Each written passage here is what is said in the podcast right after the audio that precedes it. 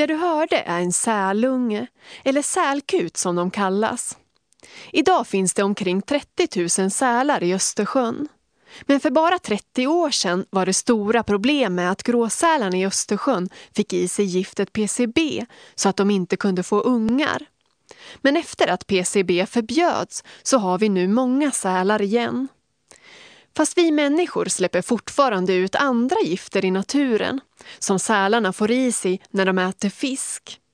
Det berättar sälforskaren Anna Ros. De får i sig en mängd olika gifter i Östersjön. Det är väldigt mycket olika pesticider och miljögifter som hamnar i hemmen och i industrin. Det hamnar ju där förr eller senare, så hamnar det i Östersjön i fisken och sen till slut då i, i sälarna också. Den senaste tiden har sälarna blivit magrare och forskare tror att det kan bero på miljögifter. Sälhonorna behöver ha mycket fett för att kunna ge mjölk till sina ungar, kutarna. Men blir honorna för magra blir det svårt. Ja, det betyder att alltså, blir de magrare än vad de är nu så blir det säkert svårt för honorna att föda upp kutar. För det är en enorm investering för dem att föra över mycket mjölk, mycket mat och energi till sin kut. Och blir de för magra så kan de inte göra det. Men än så länge finns det alltså gott om sälar i Östersjön. Sälar som kan ta mat från fiskares nät. Fiskare som drabbas kan få tillstånd att jaga vissa sälar som förstör för dem. Och myndigheten Naturvårdsverket föreslår nu alltså att det ska bli tillåtet att jaga fler sälar.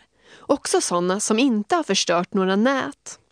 Tom Arnbom är sälexpert på Världsnaturfonden.